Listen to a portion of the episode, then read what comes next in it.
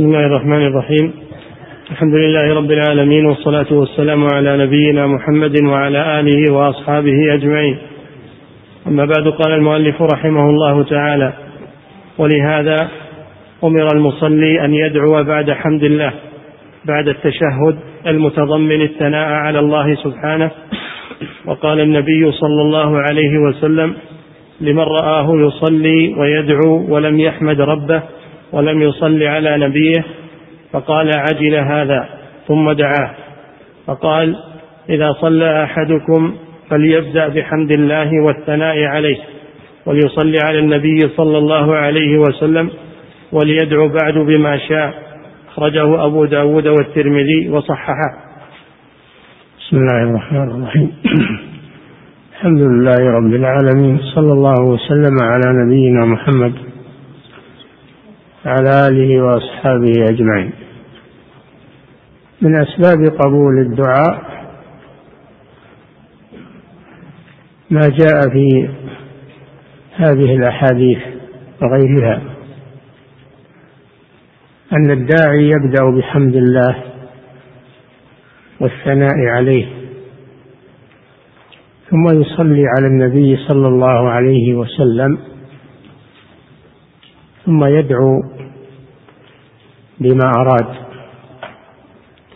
فإن هذا من أسباب استجابة الدعاء. والصلاة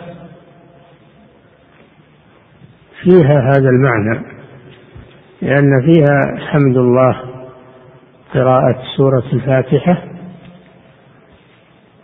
وفيها الصلاة على النبي صلى الله عليه وسلم وفيها الدعاء في آخرها قبل السلام.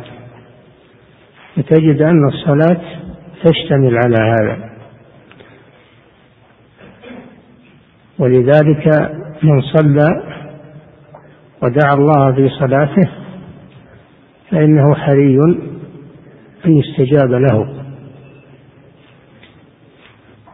نعم. وقال عبد الله بن مسعود رضي الله عنه كنت أصلي والنبي صلى الله عليه وسلم وأبو بكر وعمر معه. فلما جلست بدأت بالثناء على الله ثم بالصلاة على نبيه ثم دعوت لنفسي. فقال النبي صلى الله عليه وسلم سل تعطى رواه الترمذي وحسنه. نعم. هذا إقرار من النبي صلى الله عليه وسلم لعبد الله بن مسعود. لما بدأ بالثناء على الله ثم صلى على النبي صلى الله عليه وسلم ثم سأل الله عز وجل. فإنه أتى بآداب الدعاء وأسباب الإجابة. نعم. فلفظ السمع يراد به إدراك الصوت. ويراد به معرفة المعنى مع ذلك ويراد به القبول والاستجابة مع الفهم. قال الله تعالى ولو علم الله فيهم خيرا لأسمعهم ثم قال ولو أسمعهم على هذه الحال التي هم عليها لم يقبلوا الحق ثم تتولوا وهم معرضون. فذمهم بأنهم لا يفهمون القرآن ولو فهموه لم يعملوا به. عاد حديث ابن مسعود. نعم. وقال عبد الله بن مسعود, بن مسعود رضي الله عنه كنت أصلي والنبي صلى الله عليه وسلم وأبو بكر وعمر معه. فلما جلست بدأت بالثناء على الله ثم بالصلاة على نبيه ثم دعوت لنفسي. قال النبي صلى الله عليه وسلم سل تعطى رواه الترمذي وحسنه. نعم. فلفظ السمع يراد به إدراك الصوت. هذا رجوع على ما سبق في تفسير سمع الله لمن حمده. فهو يدل على أن حمد الله والثناء عليه من أسباب سماع الله له أي استجابته أي استجابته له. لأن السماع يطلق ويراد به سماع الصوت بدون فهم معناه. كما تسمع البهائم الراعي كمثل الذي ينعق بما لا يسمع إلا دعاء. فالبهائم تسمع صوت الراعي لكنها لا تفهم معناه. ويراد بالسماع أيضا معرفة معنى الصوت. ويراد به ويراد به الإجابة. فالسماع له معاني. نعم. فلفظ السمع يراد به إدراك الصوت. إدراك الصوت مجرد إدراك كالبهائم. نعم. ويراد به معرفة المعنى مع ذلك. ويراد به إدراك الصوت مع معرفة المعنى. فإذا سمع الصوت وعرف المعنى فإن عمل به حصل على المطلوب. وإن لم يعمل به فإنه يحرم من المطلوب. فكذلك من سمع آيات الله وسمع أحاديث الرسول صلى الله عليه وسلم وفهم معناها فإن عمل بها حصل على المطلوب والنتيجة. وإن اكتفى بمجرد السماع والمعرفة فقط ولم يعمل حرم من فائدتها. نعم. ويراد به القبول والاستجابة مع الفهم. وهذا معنى رابع. يراد بالسماع القبول والاستجابة له مع الفهم. ويؤخذ هذا من قوله سبحانه ولو علم الله فيهم خيرا يا أيها الذين آمنوا استجيبوا لله وللرسول إذا دعاكم لما يحييكم. يا أيها الذين ولا تكونوا كالذين قالوا سمعنا وهم لا يا أيها الذين آمنوا أطيعوا الله والرسول. ولا تكونوا ولا تولوا عنه وأنتم معرضون ولا تقولوا ولا تكونوا كالذين قالوا سمعنا وهم لا يسمعون. قالوا سمعنا بآذانهم لكن لا يسمعون سماع إجابة وقبول. فهم يسمعون الصوت ويفهمون معناه لكنهم لا يسمعون سماع إجابة وقبول فالمنفي عنهم هو سماع الإجابة والقبول. قال تعالى ولو أراد الله بهم خيرا لأسمعهم ولو علم الله فيهم ولو علم الله فيهم خيرا لأسمعهم ولو أسمعهم لتولوا وهم معرضون. هذا هو السبب أنهم يسمعون ويفهمون لكن لا يعملون ولا يستجيبون. فصرفهم الله عز وجل. فلم ينتفعوا بما يسمعون. نعم. ويراد به القبول والاستجابة مع الفهم. قال الله تعالى ولو علم الله فيهم خيرا لأسمعهم ثم قال لا أسمعهم. المراد إسماع إجابة واستجابة. وأما أنهم يسمعون وهم ليسوا صما. ليسوا صما لا يسمعون يسمعون. ويفهمون أيضا لأنهم عرب فصحى فهم يسمعون ويفهمون لكن لا يريدون الإجابة. وهذا هو المنفي عنهم أنهم لا يسمعون سماع إجابة وقبول. فلذلك حرمهم الله سبحانه وتعالى لأنه لم يعلم فيهم خيرا. نعم.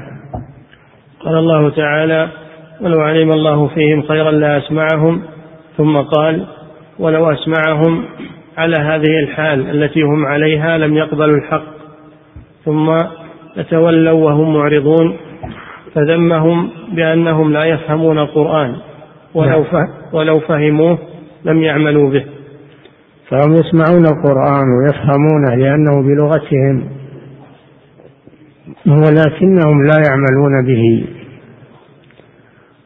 ولذلك لما قال لهم النبي صلى الله عليه وسلم قولوا لا إله إلا الله تفلحوا قالوا أجعل الآلهة إلها واحدة؟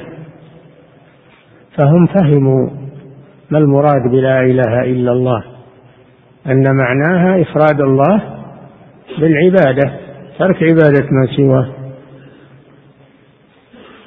فلما فهموا أن لا إله إلا الله تطلب منهم ترك عبادة غير الله. تمردوا وعتوا ولم يستجيبوا لذلك فجعل الآلهة إلها واحدة. إن هذا لشيء عجاب. وانطلق الملأ منهم أن اصبروا أن يمشوا واصبروا على آلهتكم. أن يمشوا واصبروا على آلهتكم. شوف يفهمون. ومن العجيب أن عباد القبور الآن عرب ولكن لا يفهمون مثل ما فهم كفار قريش. فهم يقولون لا إله إلا الله لا يمتنعون من قولها بل يكثرون من من لا إله إلا الله صباحا ومساء وأورادا لكنهم يعبدون القبور يعبدون القبور جمعوا بين المتناقضات. فكفار قريش أنبه منهم وأفطن منهم وأفهم منهم لمعنى لا إله إلا الله. ولهذا يقول الشيخ محمد بن عبد الوهاب رحمه الله لا خير في رجل كفار قريش أفهم منه بمعنى لا إله إلا الله. لأنهم يقولون لا إله إلا الله ولا يفهمونها فيعبدون مع الله. إذا ما معنى لا إله إلا الله؟ هذا تناقض. نعم. وإذا قال السائل لغيره أسألك بالله فإنما سأله بإيمانه بالله. وذلك الباء هنا سبق أن الباء تكون للقسم وتكون سببية ليست قسما. القسم ممنوع أن تقول أسألك بالله. تقسم. آه، فالقسم على في حق الله ممنوع. أن تقول أسألك بفلان أو بنبيك. لأن هذا قسم أسألك بنبيك أو بفلان أو بالولي الفلاني هذا ممنوع. لأنه قسم فهو يقسم على الله بمخلوق. ولو أقسم على المخلوق بالمخلوق لم يجوز. فكيف يقسم على الله بالمخلوق؟ هذا لا يجوز. فإذا كانت الباء للقسم فإنها لا تجوز. أما إذا قال أسألك بالله هذا سببية؟ أي بسبب الإيمان بالله سبحانه وتعالى. فهذا لا محذور فيه ولهذا جاء في الحديث من سألكم بالله فأعطوه. سأل بسبب الإيمان بالله عز وجل. نعم. وإذا قال السائل لغيره أسألك بالله فإنما سأله بإيمانه بالله وذلك سبب لإعطاء من سأله به. نعم. فإنه سبحانه يحب الإحسان إلى الخلق. نعم. لا سيما إن كان المطلوب كف الظلم. فإنه يأمر بالعدل وينهى عن الظلم. نعم. وأمره أعظم الأسباب في حظ الفاعل. فلا سبب أولى من أن يكون مقتضيا لمسببه من أمر الله تعالى. نعم. وقد جاء في حديث رواه أحمد في مسنده وابن ماجه عن عطية العوفي عن أبي سعيد الخدري عن النبي صلى الله عليه وسلم أنه علم الخارج إلى الصلاة أن يقول في دعائه وأسألك بحق السائلين عليك وبحق ممشاي هذا فإني لم أخرج أشرا ولا بطرا ولا فإني لم أخرج أشرا ولا بطرا ولا رياء ولا سمعة. ولكن خرجت اتقاء سخطك وابتغاء مرضاتك. فإن كان هذا صحيحا نعم الحديث هذا ورد. سألك بحق السائلين عليك. فهذا يجاب عنه بجوابين. أولا أن سنده فيه مقال. فإنه من رواية عطية العوفي ولا يحتج به. ثانيا لو صح فإن معنى أسألك بحق السائلين عليك الإجابة فإن الله قال ادعوني أستجب لكم فهو وعدهم أن يستجيب لهم فأنت تسأله بوعده تسأله بوعده الذي قاله عن نفسه فاسألوني أستجب لكم وهذا ليس من التوسل الممنوع لأنه توسل إلى الله بأسمائه وصفاته لأن الإجابة صفة من صفات الله فهو القريب المجيب. أما يجيب المضطر إذا إذا دعاه ادعوني أستجب لكم. فأنت تسأله بصفة من صفاته وهي إجابة السائلين. وليس هذا من باب التوسل الممنوع بل هو من التوسل المشروع. لو صح الحديث. نعم. فإن كان هذا صحيحا إن كان هذا صحيحا هذا الجواب الأول. نعم. فإن كان هذا صحيحا بحق السائلين عليه أن يجيبهم وحق العابدين وحق العابدين له أن يثيبهم وهو حق أوجبه على نفسه لهم. نعم. كما يسأل بالإيمان والعمل الصالح الذي جعله سببا لإجابة الدعاء. نعم. كما في قوله تعالى ويستجيب الذين آمنوا وعملوا الصالحات ويزيدهم من فضله. يستجيب الله الذين آمنوا وعملوا الصالحات يستجيب أعمالهم ودعاءهم ويزيدهم. يعطيهم شيئا لم يسألوه ولم يدعوا به فضلا منه وإحسانا. فإجابة السائل صفة من صفات الله عز وجل. فأنت تتوسل إليه بصفة من صفاته نعم. وكما يسأل بوعده لأن وعده يقتضي إنجاز ما وعده. ومنه قول المؤمنين ربنا إننا سمعنا مناديا ينادي للإيمان أن آمنوا بربكم فآمنا. ربنا فاغفر لنا ذنوبنا وكفر عنا سيئاتنا وتوفنا مع الأبرار. ربنا إننا سمعنا هذا من التوسل. إننا سمعنا مناديا وهو الرسول صلى الله عليه وسلم. ينادي للإيمان أن آمنوا بربكم فآمنا توسلوا إلى الله بإيمانهم وإجابتهم للرسول صلى الله عليه وسلم وهذا توسل بالعمل الصالح فهو سائر نعم. وقول الله تعالى إنه كان فريق من عبادي يقولون ربنا آمنا فاغفر لنا وارحمنا وأنت خير الراحمين. آمنا فاغفر لنا. الفاء سببية أي اغفر لنا بسبب إيماننا. هذا توسل إلى الله بالعمل الصالح وهو الإيمان. نعم. وقول الله تعالى إنه كان فريق من عبادي يقولون ربنا آمنا فاغفر لنا وارحمنا وأنت خير الراحمين. فاتخذتموهم سخريا حتى أنسوكم ذكري. يقول الله لأهل النار يوم القيامة إنه كان فريق من عبادي يقولون ربنا آمنا فاغفر لنا وارحمنا وأنت خير الراحمين. توسلوا إلى الله جل وعلا بإيمانهم وتوسلوا إلى الله بأسمائه وصفاته أنت خير الراحمين. يقول الله لأهل النار أتخذتموهم سخريا في الدنيا تسخرون منهم. فالآن انظروا إلى العواقب. أنتم من أهل النار وهم من أهل الجنة. اتخذتموهم سخريا حتى أنسوكم ذكري كنتم منهم تضحكون. العاقبة إني جزيتهم اليوم بما صبروا يعني صبروا على استهزائكم وسخريتكم في الدنيا أنهم هم الفائزون. أما هؤلاء ففي النار تلفح وجوههم النار وهم فيها كالحون والعياذ بالله. نعم.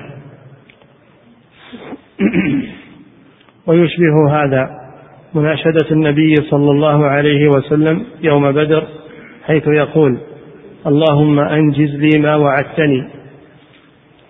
الله جل وعلا وعد نبيه أن ينصره.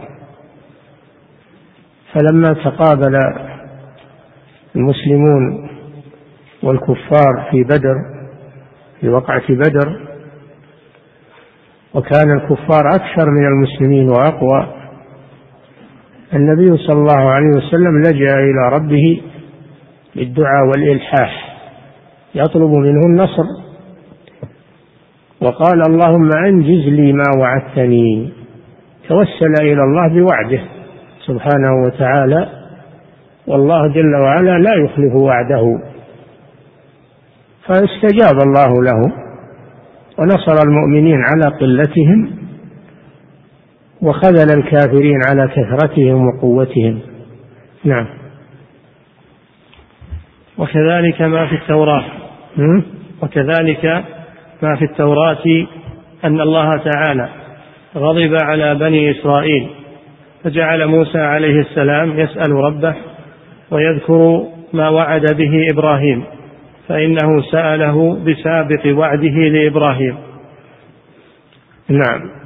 ما جاء في التوراة أن أن الله لما غضب على بني إسرائيل بسبب تعنتهم وأفعالهم القبيحة مع موسى عليه السلام وسوء أدبهم مع الله ومع رسوله وكريمه غضب الله عليهم والعياذ بالله. فهم مغضوب عليهم اليهود مغضوب عليهم. ويسمون الأمة الغضبية. غضب الله عليهم لأنهم عصوا الله على علم وبصيرة. فموسى عليه السلام خذته الشفقة بهم فتوسل إلى ربه عز وجل بما وعد الله به خليله إبراهيم. ف فالله جل وعلا عند وعده إذا وعد فإنه لا يخلف وعده. لكن بشرط أن أن يكون العبد صالحا لإنجاز الوعد معه. بأن يعمل الأسباب التي تقتضي إنجاز الوعد من الله جل وعلا. فإن حصل تخلف فإنما الخلل من عند المخلوق. إن حصل تأخر للوعد فإنما هو لخلل عند المخلوق. نعم. ومن السؤال بالأعمال الصالحة سؤال الثلاثة الذين أووا إلى الغار. سبق أن التوسل على قسمين توسل ممنوع وتوسل مشروع. توسل المشروع أنواع. النوع الأول التوسل إلى الله بأسمائه وصفاته. ولله الأسماء الحسنى فادعوه بها. هذا توسل إلى الله بأسمائه وصفاته. يا رحمن ارحمني يا غفور اغفر لي يا رزاق ارزقني وهكذا. تتوسل إلى الله بصفته بأسمائه وصفاته. النوع الثاني التوسل إلى الله بالدعاء بطلب الدعاء من الصالحين كما توسل عمر كما كان الصحابة يتوسلون إلى الله بدعاء نبيهم صلى الله عليه وسلم يوم أن كان حيا بين أظهرهم. فلما مات توسل عمر بالعباس عم النبي صلى الله عليه وسلم بمعنى أنه طلب منه أن يدعو الله للمسلمين بالغيث التوسل بدعاء الصالحين مشروع بشرط أن يكون الداعي حاضرا يسمع يسمع طلبك فتطلب منه. أما إن كان ميتا أو غائبا فلا يتوسل به لأنه لا يمكن أن يسمعك ولا يمكن أن يدعو وهو لا يسمع طلبك. فيشترط في طلب الدعاء من الصالحين أن يكونوا حاضرين يسمعون طلب من طلب منهم الدعاء. فلا تطلب الدعاء من الغائبين ولا يطلب الدعاء من الأموات. نعم. ومن السؤال بالأعمال الصالحة هذا هذا نوع الثاني. النوع الثالث توسل إلى الله بالأعمال الصالحة. كما في قصة أصحاب الغار وكما في الآيات التي سمعتم. نعم. ومن السؤال بالأعمال الصالحة سؤال الثلاثة الذين أووا إلى الغار. فسأل كل واحد منهم بعمل عظيم أخلص فيه لله. لأن ذلك العمل مما يحبه الله ويرضاه محبة تقتضي إجابة صاحبه. أخبرنا رسول الله صلى الله عليه وسلم في الحديث الصحيح أن ثلاثة من بني إسرائيل أووا إلى غار. في جبل ليبيتوا فيه أو ليستريحوا فيه ويكنهم من البرد ومن أو من الحر. المهم أنهم دخلوا في الغار. أراد الله جل وعلا أن يمتحنهم. فانحدرت صخرة كبيرة فسدت باب الغار فلم يستطيعوا الخروج. فعند ذلك فكروا في ما يفرج الله به عنهم. هذه الكربة. فتذكروا صالح أعمالهم وقالوا إنه لا ينجيكم من هذه إلا صالح أعمالكم. فأحدهم توسل إلى الله عز وجل ببره لوالديه. كان يرعى الغنم ثم يأتي في الليل ويحجبها ويسقي والديه ويسقي أولاده. صادف في مرة أنه تأخر في المجيء حتى نام والداه حتى نام والداه قبل أن يشرب من اللبن فجاء باللبن ووقف على والديه وكره أن يوقظهما. فبقي واقفا طول الليل. ومعه الإناء. فيه اللبن وأولاده يتضاغون تحته يريدون اللبن لكن لا يريد أن يسقي قبل والديه أحدا من عظم بره لوالديه. ولم يشأ أن يوقظهما ليكدر عليهم النوم. فلما فبقي إلى أن أصبح وهو واقف باللبن. هذا من من من البر بالوالدين. الثاني توسل إلى الله لأنه كان له ابنة عم وكان يريدها يريدها في الحرام يراودها فتأبى. فنزلت بها حاجة فجاءت إليه تطلب منه الإعانة. فظن أنها سنحت له الفرصة تمكن منها. هي من شدة حاجتها خضعت لطلبه فأعطاها مئة وعشرين دينارا من الذهب. ثم لما جلس منها مجلس الرجل من امرأته قالت اتق الله ولا تفض الخاتم إلا بحقه. فوقع خوف الله في قلبه وقام وترك لها ترك لها الدنانير خوفا من الله سبحانه وتعالى. موقف عظيم. وأما الثالث فإنه كان عنده أجير. كان عنده أجير. فذهب الأجير ولم يأخذ أجرته. ولا يدري أين ذهب. فقام الرجل ونمى هذه الأجرة حتى نمت وكانت من الغنم. فكانت غنما كثيرة سدت الوادي. ومن ومن الإبل والبقر نماها حتى سدت الوادي من كثرتها. ثم جاء الرجل يطلب أجرته. قال خذ ما في هذا الوادي كله لك. قال يا عبد الله لا تسخر بي. قال لا أسخر بك ولكنه أجرتك. فاستاقها ولم يترك منها فصيلا وأخذها.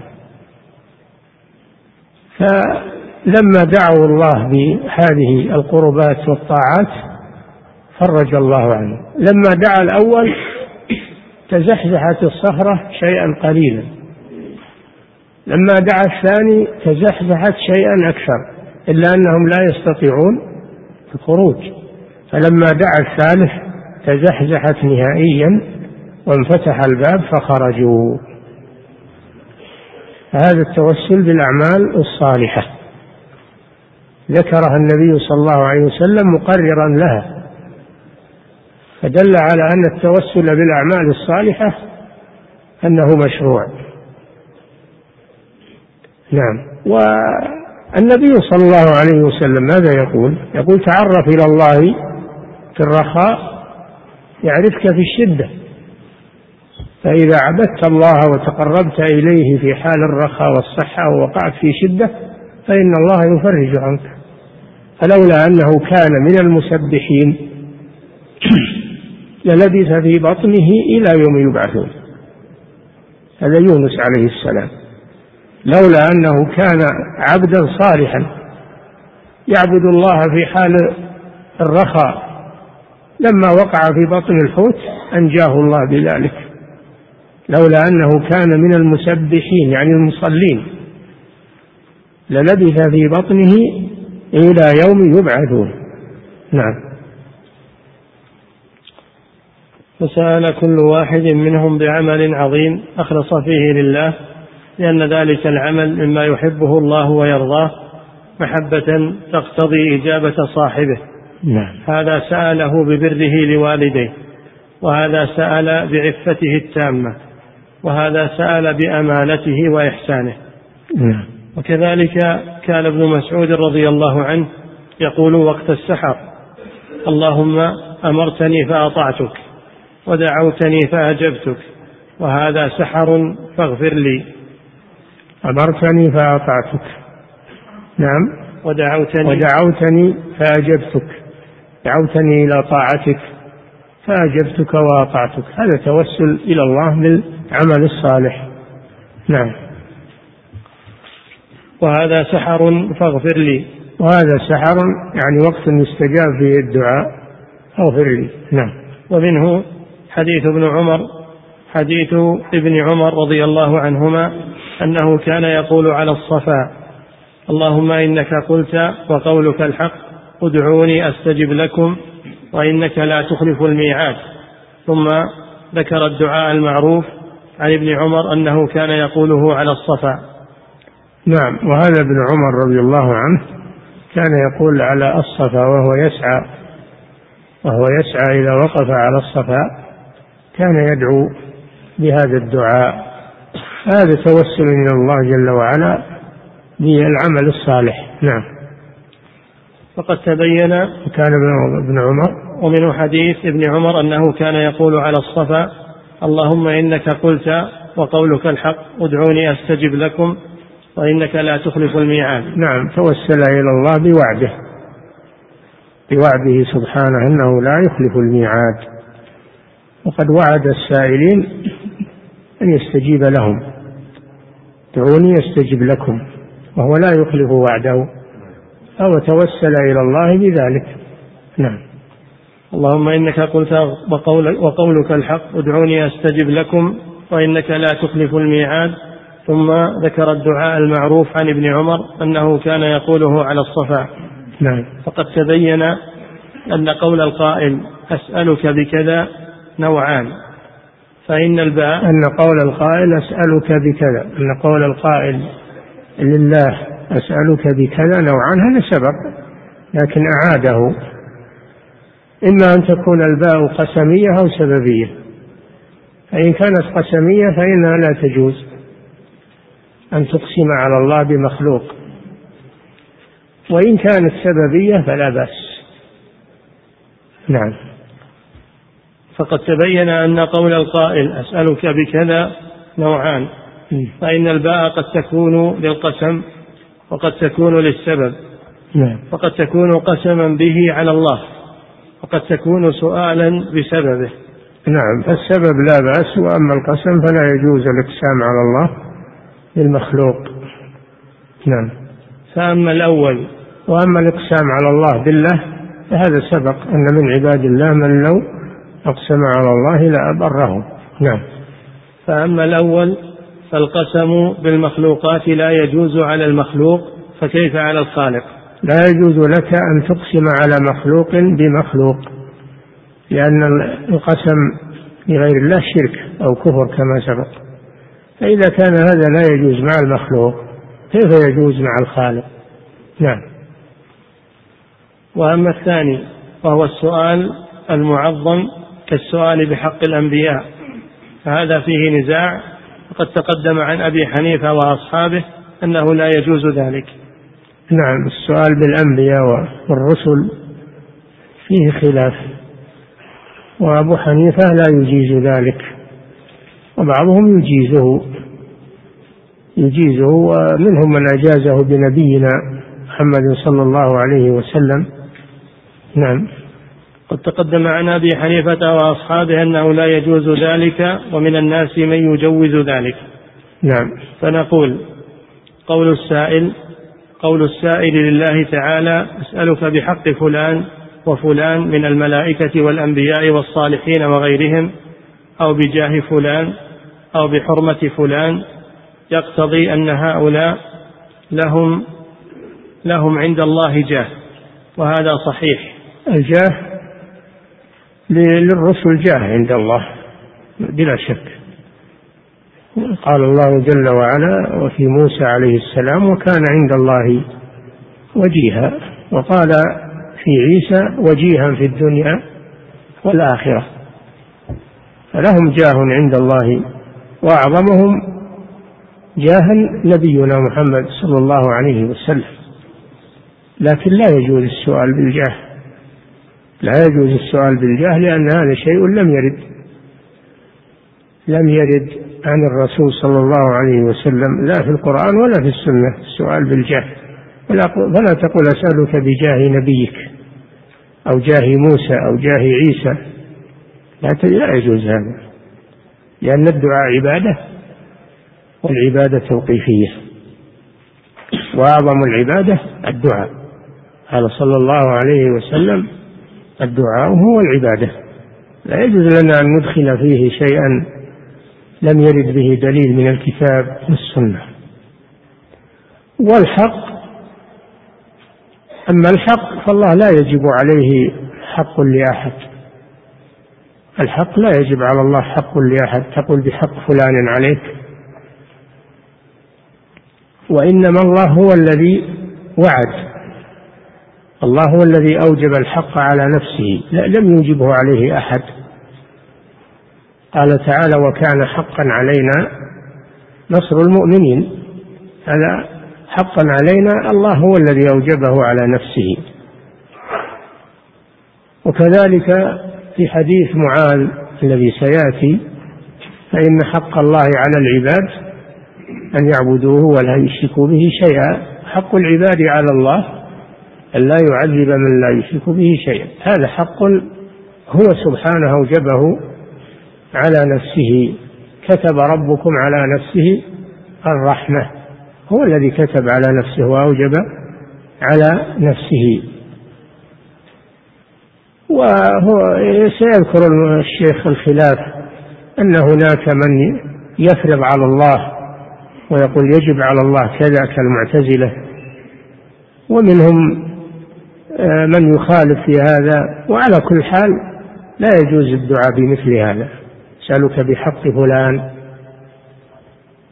أسألك بحق فلان بجاه فلان. نعم. أسألك بفلان أيضا. نعم. فنقول قول السائل لله تعالى أسألك بحق فلان وفلان من الملائكة والأنبياء والصالحين وغيرهم أو بجاه فلان أو بحرمة فلان يقتضي أن هؤلاء لهم عند الله جاه وهذا صحيح. يعني الجاه. الجاه صحيح لوروده في القرآن. نعم. وهذا صحيح فإن هؤلاء لهم عند الله منزلة وجاه وحرمة. نعم. يقتضي أن يرفع الله درجاتهم ويعظم أقدارهم ويعظم أقدارهم ويقبل شفاعتهم إذا شفعوا. نعم. مع أنه سبحانه قال من ذا الذي يشفع عنده إلا بإذنه. فهم وإن كان وإن كانوا يشفعون لكن لا يشفعون إلا بعد إذن الله جل وعلا. من ذا الذي يشفع عنده إلا بإذنه. وسبق أن تبين لنا أن الشفاعة الصحيحة لها شرطان. الشرط الأول إذن الله جل وعلا للشافع أن يشفع. والشرط الثاني رضا الله عن المشفوع فيه بأن يكون من أهل الإيمان. أما الكافر فليس له شفاعة عند الله والمشرك ليس له شفاعة عند الله.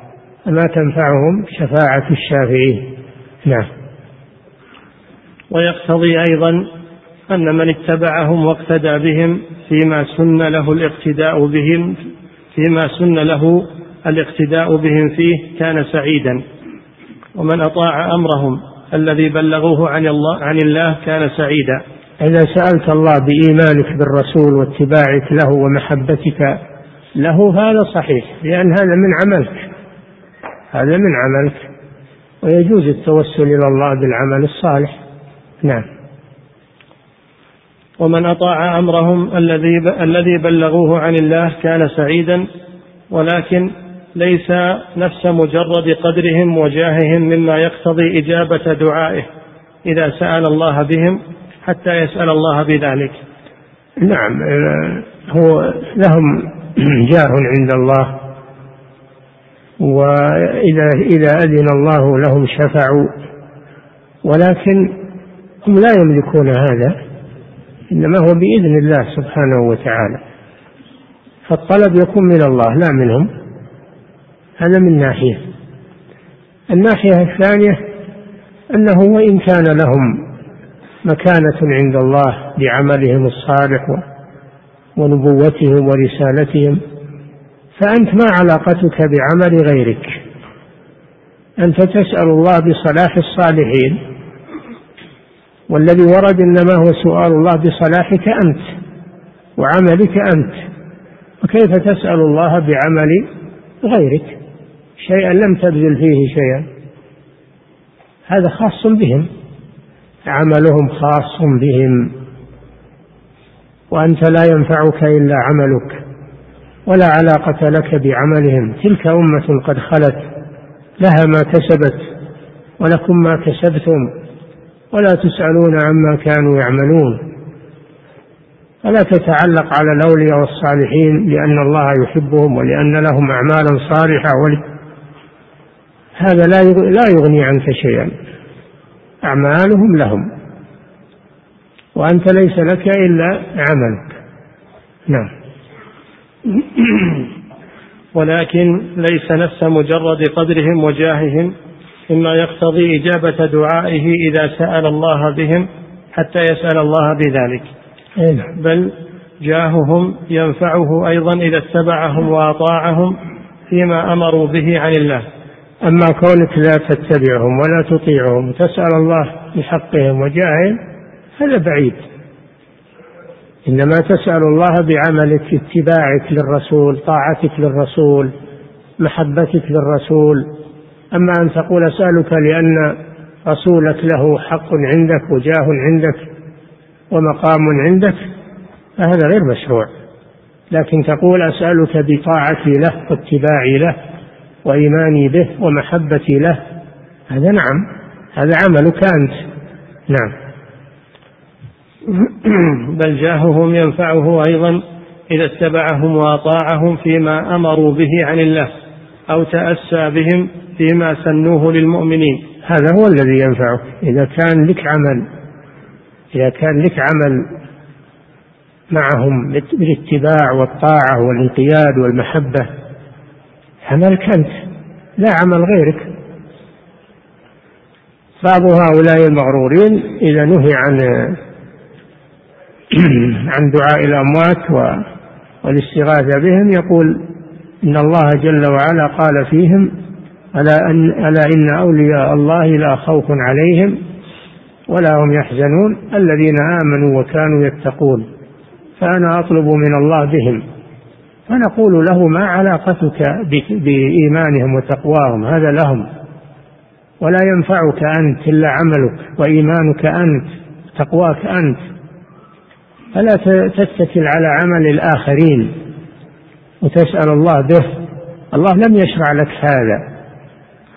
نعم إذا سألته بمحبتك لأولياء الله وبغضك لأعداء الله هذا صحيح هذا عملك نعم. وينفعه أيضا إذا دعوا له وشفعوا فيه. نعم ينفع ينفعونه لو دعوا له وشفعوا فيه. بإذن الله سبحانه وتعالى. أما أن تسألهم بمجرد صلاحهم بمجرد صلاحهم وتقواهم وعملهم هذا لا لا علاقة لك به. نعم. فأما إذا لم يكن منهم دعاء ولا شفاعة نعم. ولا منه سبب يقتضي الإجابة لم يكن متشفعا بجاههم ولم يكن سؤاله بجاههم نافعا له عند الله. فلا, فلا يسألون شيئا لا يسألون الشفاعة لأن الشفاعة ملك لله جل وعلا ولا يملكونها إلا بإذنه سبحانه وتعالى.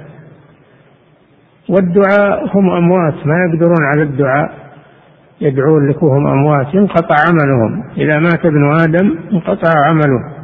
ما يقدر يدعو لك أو يستغفر لك. انتهى عمله. الأنبياء وغيرهم انتهى عملهم. فكيف تتعلق بهم؟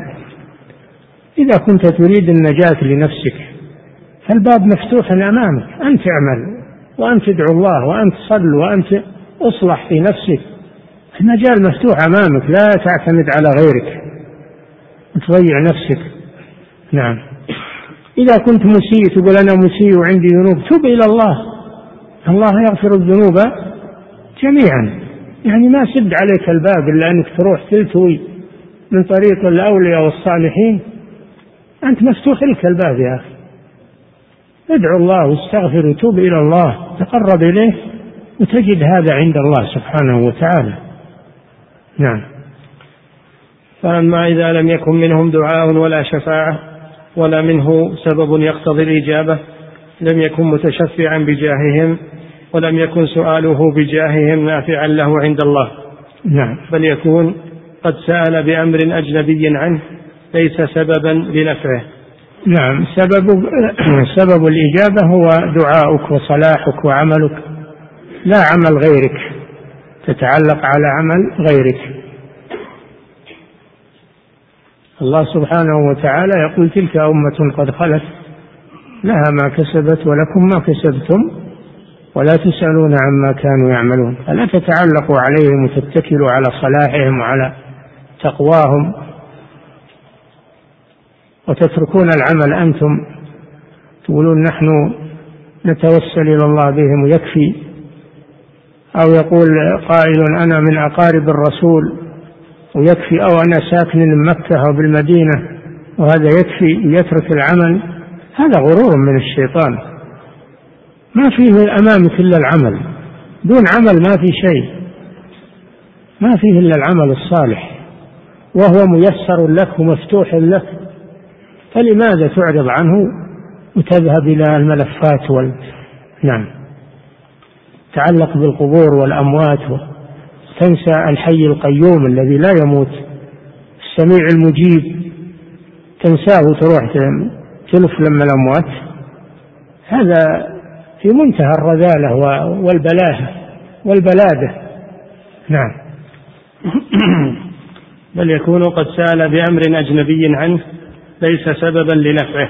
نعم. ولو قال الرجل لمطاع كبير أسألك بطاعة فلان لك وبحبك له على طاعتك وبجاهه عندك الذي أوجبته الذي أوجبته طاعته لك لكان قد سأله بأمر أجنبي لا تعلق له به. هذا مثال في المخلوقين. لو جيت عند ملك من الملوك وقلت أسألك بطاعة فلان لك وانقياده لك وخدمته لك ومحبتك له. وش علاقتك أنت بفلان؟ هذا من مما يضحك العقلاء. إيش علاقتك أنت بفلان؟ عمل فلان وقربه من الملك ومحبة الملك له هذا خاص به. ولا وليس لك به سبب ولا علاقة. فكذلك أن تسأل الله بصلاح فلان أو تقوى فلان لا علاقة له لك بذلك. صلاحه له وتقواه له. نعم. وكذلك إحسان الله إلى هؤلاء المقربين ومحبته لهم وتعظيمه لأقدارهم مع عبادتهم له وطاعتهم إياه. ليس في ذلك ما يوجب إجابة دعاء من يسأل بهم. إجابة, إجابة. دعاء من يسأل بهم. ليس هذا سببا ليس هذا سببا ولا علاقة لك بعمل غيرك أو أن تتكل على عمل غيرك. يوم يفر المرء من أخيه وأمه وأبيه صاحبته وبنيه كل امرئ منهم يومئذ شأن يغنيه. فليس لك إلا عملك. كما أنها لا تضرك في ساءة من أساء فلا تنفعك طاعة من أطاع. إنما هذا له وعليه لها ما كسبت وعليها ما اكتسبت. نعم. وإنما يوجب إجابة دعائه بسبب منه بطاعته له. سبب منه هو بطاعته لله وانقياده لله واستغفاره وتوبته. نعم. وإنما يوجب إجابة دعائه بسبب منه لطاعته لهم أو سبب منهم لشفاعتهم له. فإذا انتفى هذا وهذا فلا سبب. نعم. نعم لو سأل الله بإيمانه بمحمد صلى الله عليه وسلم ومحبته له وطاعته له واتباعه له فكان قد سأله بسبب عظيم يقتضي إجابة الدعاء. سأله بعمله. لأن طاعته للرسول ومحبته للرسول واتباعه له هذا عمله يسأل الله به توسل به إلى الله. آمنا بما أنزلت واتبعنا الرسول اكتبنا مع الشاهدين. نعم. نعم لو سأل الله بإيمانه بمحمد صلى الله عليه وسلم ومحبته له وطاعته له واتباعه له فكان قد سأله بسبب عظيم يقتضي إجابة الدعاء. بسبب فعله هو ما فعله غيره. نعم. بل هذا أعظم الأسباب والوسائل. العمل الصالح. نعم. والنبي صلى الله عليه وسلم بين أن شفاعته في الآخرة تنفع أهل التوحيد لا أهل الشرك. نعم. شفاعته إنما تكون لأهل التوحيد من أمته وليست للمشركين. الذين يدعون يدعون الأولياء والصالحين ويستغيثون بهم ويذبحون لهم هؤلاء مشركون. يتبرأ منهم الرسول صلى الله عليه وسلم يوم القيامة ويتبرأ منهم الصالحون الذين عكفوا عند قبورهم يتبرؤون منهم. ويوم القيامة يكفرون بشرككم ويوم يحشرهم ويوم ويوم يحشرهم جميعا ويوم يحشرهم جميعا ثم يقول للملائكة أهؤلاء إياكم كانوا يعبدون؟ قالوا سبحانك أنت ولينا من دونهم بل كانوا يعبدون الجن يعني الشياطين هم الذين أمروهم بذلك. أما نحن فنحن ننهى عن ذلك ونجاهد عليه. كانوا يعبدون الجن أكثرهم له أكثرهم بهم مؤمنون. فاليوم لا يملك بعضكم لبعض نفعا ولا ضرا. انقطع هذا السبب وهذا ال... الذي تعلقتم به أنه لا أصل له. نعم. والنبي صلى الله عليه وسلم بين أن شفاعته في الآخرة تنفع أهل التوحيد لا أهل الشرك. أي نعم. لما سأله أبو هريرة من أسعد الناس؟ بشفاعتك يا رسول الله. قال صلى الله عليه وسلم أسعد الناس بشفاعتي من قال لا إله إلا الله خالصا من قلبه. يعني أهل التوحيد لا أهل الشرك. نعم. وهي مستحقة لمن دعا له بالوسيلة كما في الصحيح يأتي هذا. نعم. الله أعلم. صلى الله وسلم على نبينا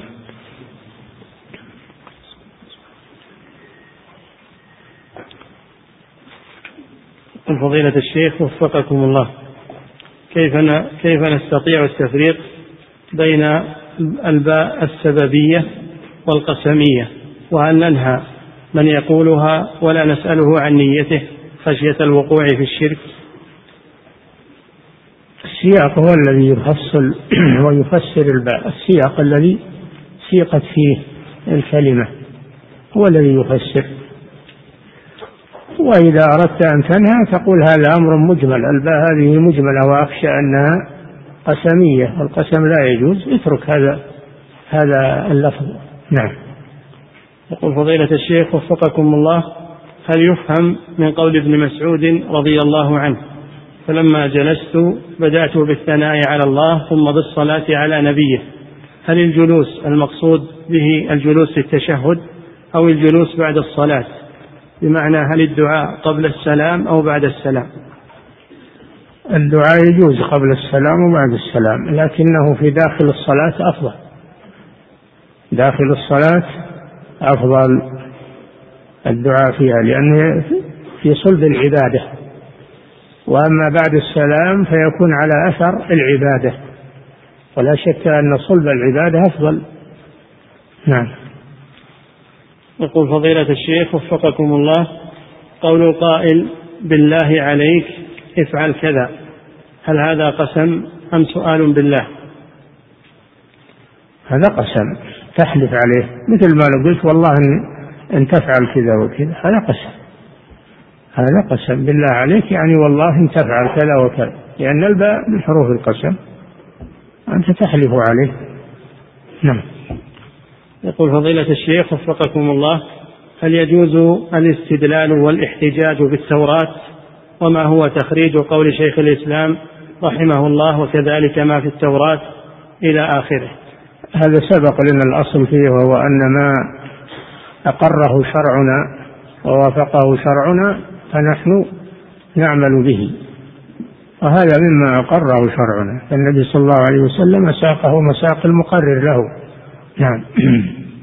يقول فضيلة الشيخ مثل حديث الثلاثة ثلاثة من بني إسرائيل ولما حكاه النبي صلى الله عليه وسلم مقررا له صار شرعا لنا. نعم. يقول فضيلة الشيخ وفقكم الله هل هناك ما يسمى بالتوسل بذكر الحال؟ كقول أيوب عليه السلام نعم يتوسل إلى الله بفقره وحاجته ومرضه إني مسني الضر. وأنت أرحم الراحمين. فيتوسل إلى الله بحاله وفقره ومرضه. نعم. يقول فضيلة الشيخ وفقكم الله عرفنا أو فهمنا من الدرس أن أنواع التوسل المشروع هي أولا التوسل بأسماء الله وصفاته ثانيا التوسل إلى الله بالأعمال الصالحة ثالثا التوسل بدعاء الصالحين الحاضرين. هل هذه هي الأنواع فقط؟ لا ما هي الأنواع فيها التوسل بالتوحيد. لا إله إلا أنت سبحانك إني كنت من الظالمين. هذا توسل بالتوحيد كلمة التوحيد. نعم. يقول فضيلة الشيخ وفقكم الله هل قول النبي صلى الله عليه وسلم أسألك بحق السائلين عليك يكون من نوع التوسل إلى الله بصفة من صفاته وهي إجابة الدعاء؟ نعم هو هذا كما شرحه الشيخ. رحمه الله على فرض صحة هذا الحديث لو صح فليس فيه متمسك للذين يتوسلون التوسل المبتدع. نعم هذا من جملة شبههم التي يتمسكون بها في توسلهم بالأموات ويستدلون بهذا الحديث وهذا الجواب عنه. نعم. يقول فضيلة الشيخ وفقكم الله من أقسم على الله بجاه النبي صلى الله عليه وسلم هل يعده هذا هل يعد فعله هذا من الشرك أو من البدعة؟ يعد هذا من الشرك لأنه لأنه قسم بالمخلوق الجاه مخلوق. فهو قسم بالمخلوق ولا يجوز القسم بالمخلوق على المخلوق فكيف القسم به على الخالق كما قال الشيخ؟ نعم. يقول فضيلة الشيخ وفقكم الله كيف يعرف الإنسان أنه يجوز له أن يقسم على الله كما في الحديث لو أقسم على الله لأبره. هذه حالة خاصة حالة الأولياء.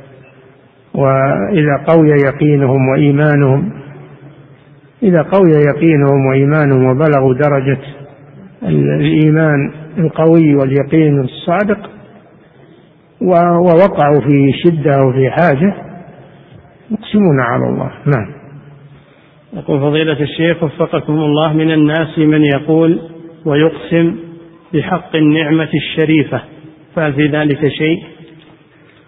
النعمة مخلوقة يا أخي إيش قصدك بالنعمة؟ النعمة مخلوقة ما يجوز تقسم بها ولا بحقها نعم يقول وبعض الناس يقول بحق هذه الليلة أو بحق هذا اليوم فما حكم ذلك وكذلك الليلة واليوم مخلوقة لا يجوز هذا نعم. يقول فضيلة الشيخ وفقكم الله إذا أقيمت على المشرك الحجة لكن لم يفهمها هل نعذره؟ ما قامت عليه. إذا, إذا لم يفهمها معناه ما قامت عليه الحجة. نعم. يقول وهل ذهب شيخ الإسلام ابن تيمية رحمه الله إلى عذره وذهب أئمة الدعوة إلى أنه لا يعذر؟ بلوغ الحجة إنما تقوم به الحجة إذا كان يفهم لو أراد. إذا كان يفهم لو أراد. لكنه لم يرد. هذا قامت عليه الحجة. أما إذا كان أعجمي ما يفهم ولو أراد الفهم ما فهم ما تقوم عليه الحجة حتى يترجم له بين له. نعم. فقيام الحجة هي بلوغ القرآن مع فهمه لو أراد. فإذا تركه وهو يقدر على فهمه فهذا غير معذور. لأنه بإمكانه زوال الجهل ولكنه لا يريده. نعم. يقول فضيلة الشيخ ولهذا يقولون من بلغته الحجة على وجه يفهمها لو أراد فإنه ليس له عذر. نعم. وفضيلة الشيخ وفقكم الله هذا سائل من الجزائر. يقول إذا كان شخص يعيش في مجتمع إسلامي يغلب عليه التعلق بالصالحين ولا يوجد لدينا علماء التوحيد وهو يدعوهم ويتقرب إليهم بأنواع من العبادات فهل نحكم عليه بالكفر بعينه ونعامله معاملة الكفار دون إقامة الحجة؟ أجل أجل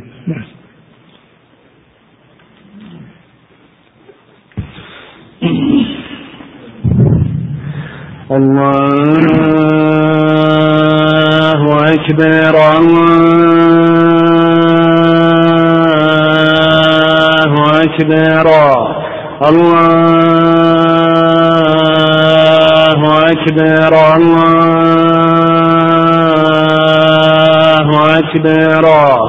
أشهد أن لا إله إلا الله. أشهد أن لا إله إلا الله. أشهد أن محمد رسول الله. أشهد أن محمد رسول الله. حي على الصلاة. حي على الصلاة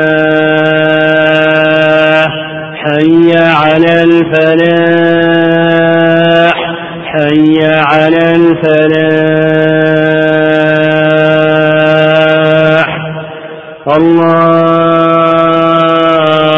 الله أكبر الله أكبر لا إله إلا الله.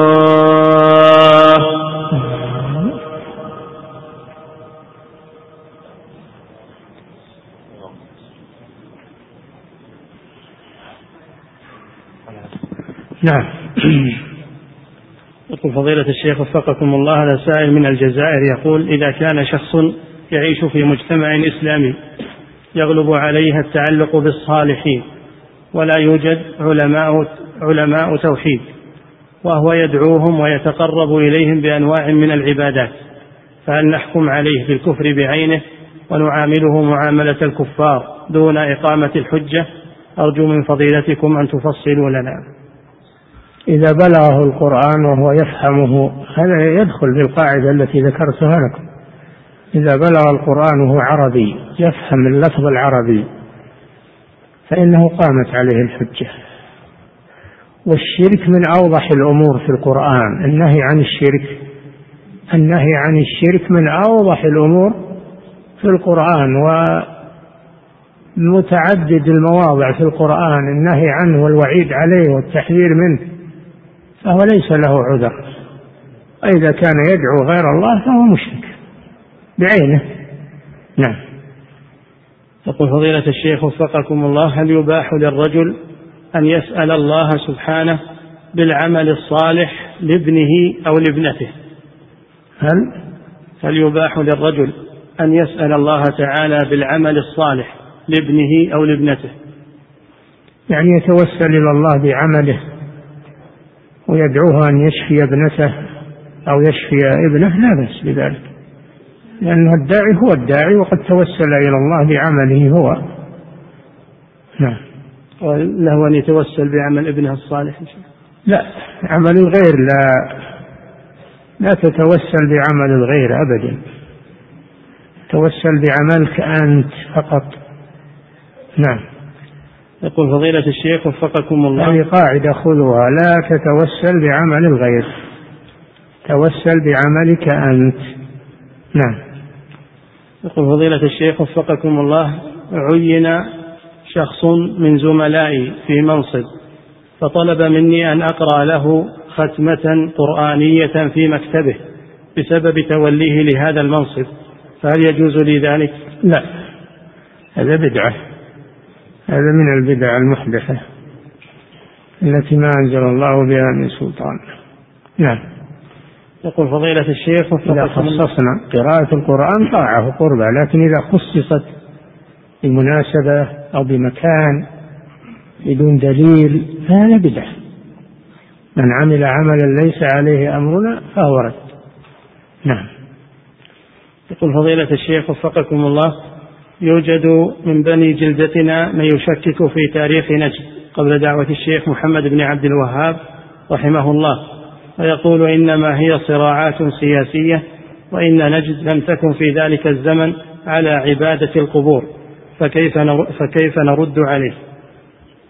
هذا موجود يعني خصوم الدعوة إلى التوحيد من قديم من وقت الشيخ وهم يخاصمون الشيخ ويردون عليه وهذا موجود في ردود الشيخ عليهم.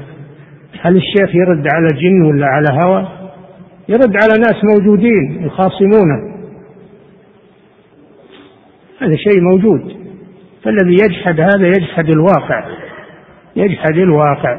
ثم أيضا هو يكذب الشيخ ويكذب العلماء الذين ذكروا ما كان في وقت الشيخ وقبله. يكذبهم يعني يكذب العلماء ويخونهم. نسأل الله العافية.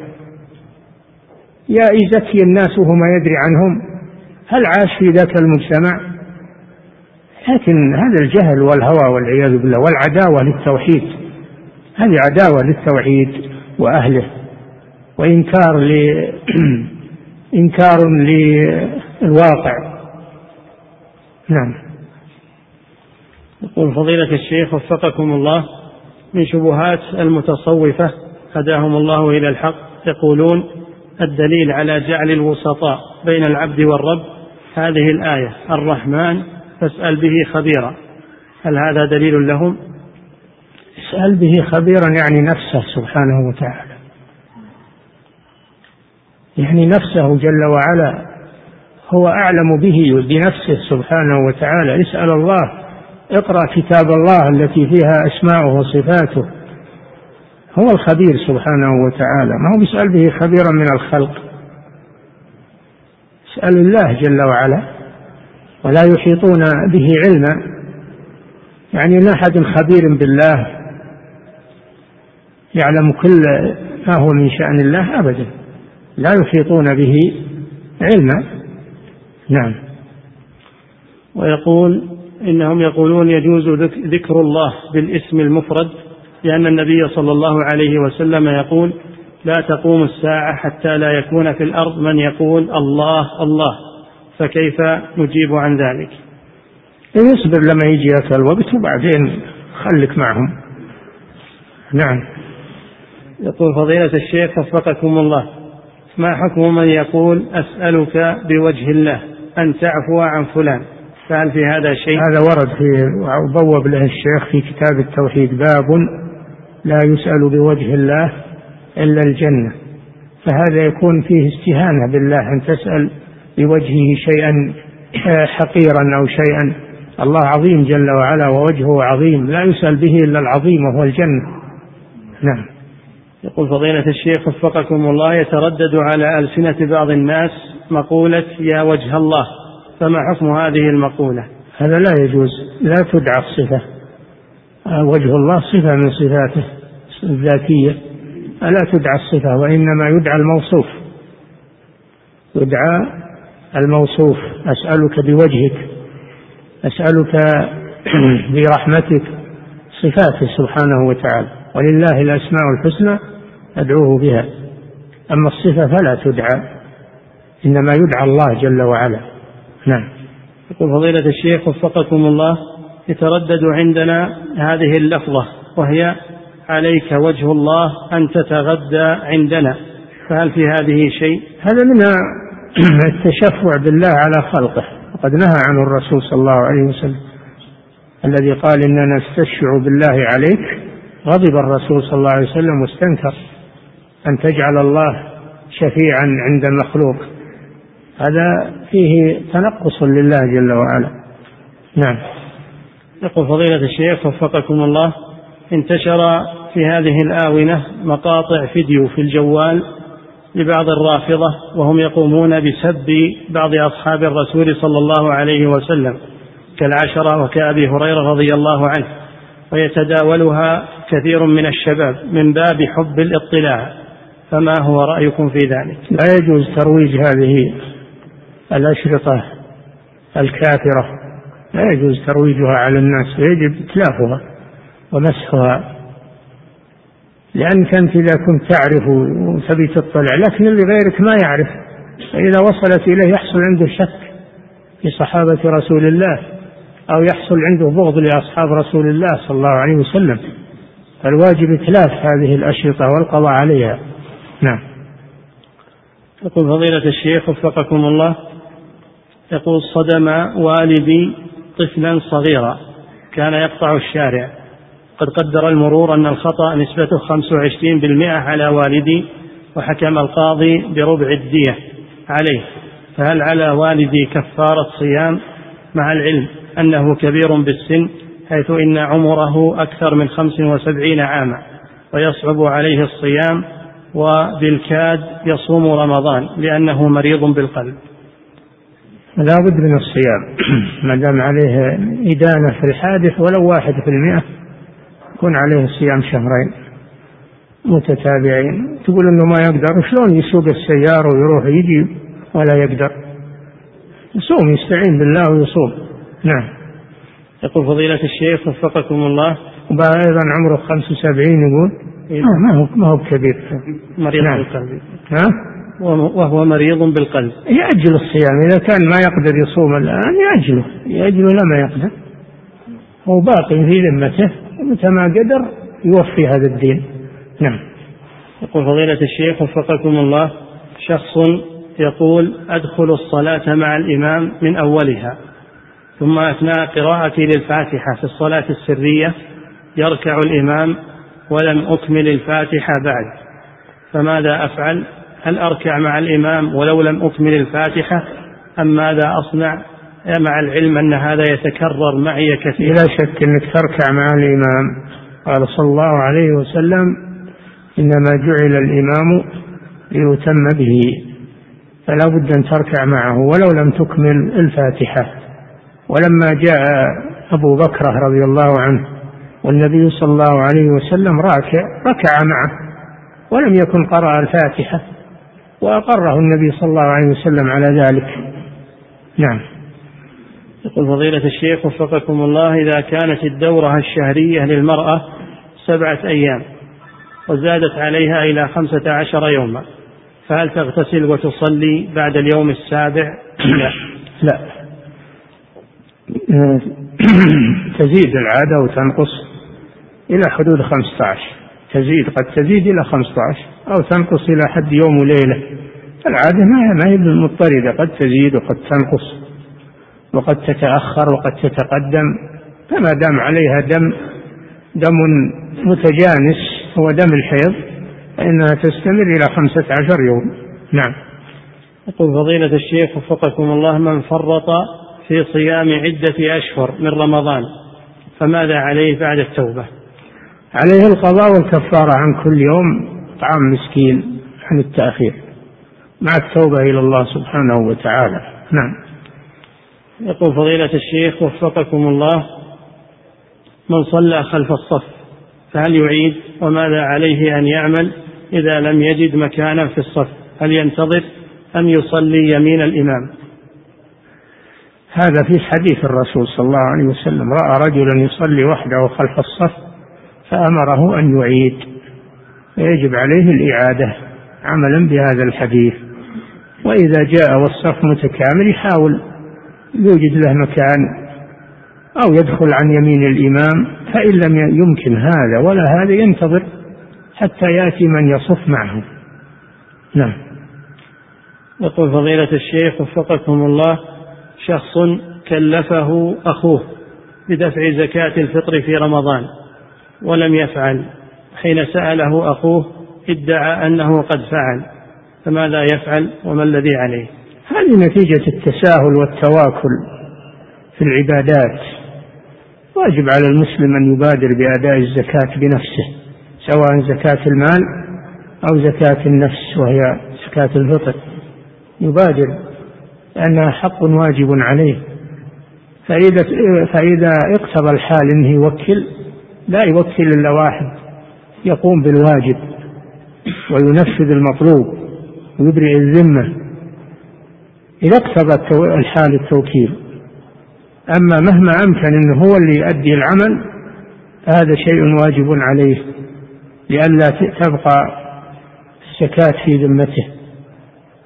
وعلى كل حال ما دام فات الوقت ولم تخرج تخرج قضاء. تخرج الآن على أنها قضاء. نعم. يقول فضيلة الشيخ وفقكم الله ذكرتم بأن السماع قد يراد به الاستجابة. فهل هناك محذور من قول بعض الناس الله يسمع منك اي نعم يستجيب لك يعني بمعنى ما هو معناه يدعو الله أنه يسمع. الله يسمع جل وعلا. لكن يريد يسمع منك يعني يجيب يجيب دعاك. نعم. يقول فضيلة الشيخ وفقكم الله رجل والده على قيد الحياة ويريد هذا الابن أن يؤدي عنه عمرة وهذا الرجل ليس في بلاد الحرمين ويحتاج إلى سفر ليعتمر فهل يجوز لهذا الابن أن يؤدي عنه العمرة؟ علما أن الأب يستطيع الطواف وجميع أركان العمرة. لا. إذا كان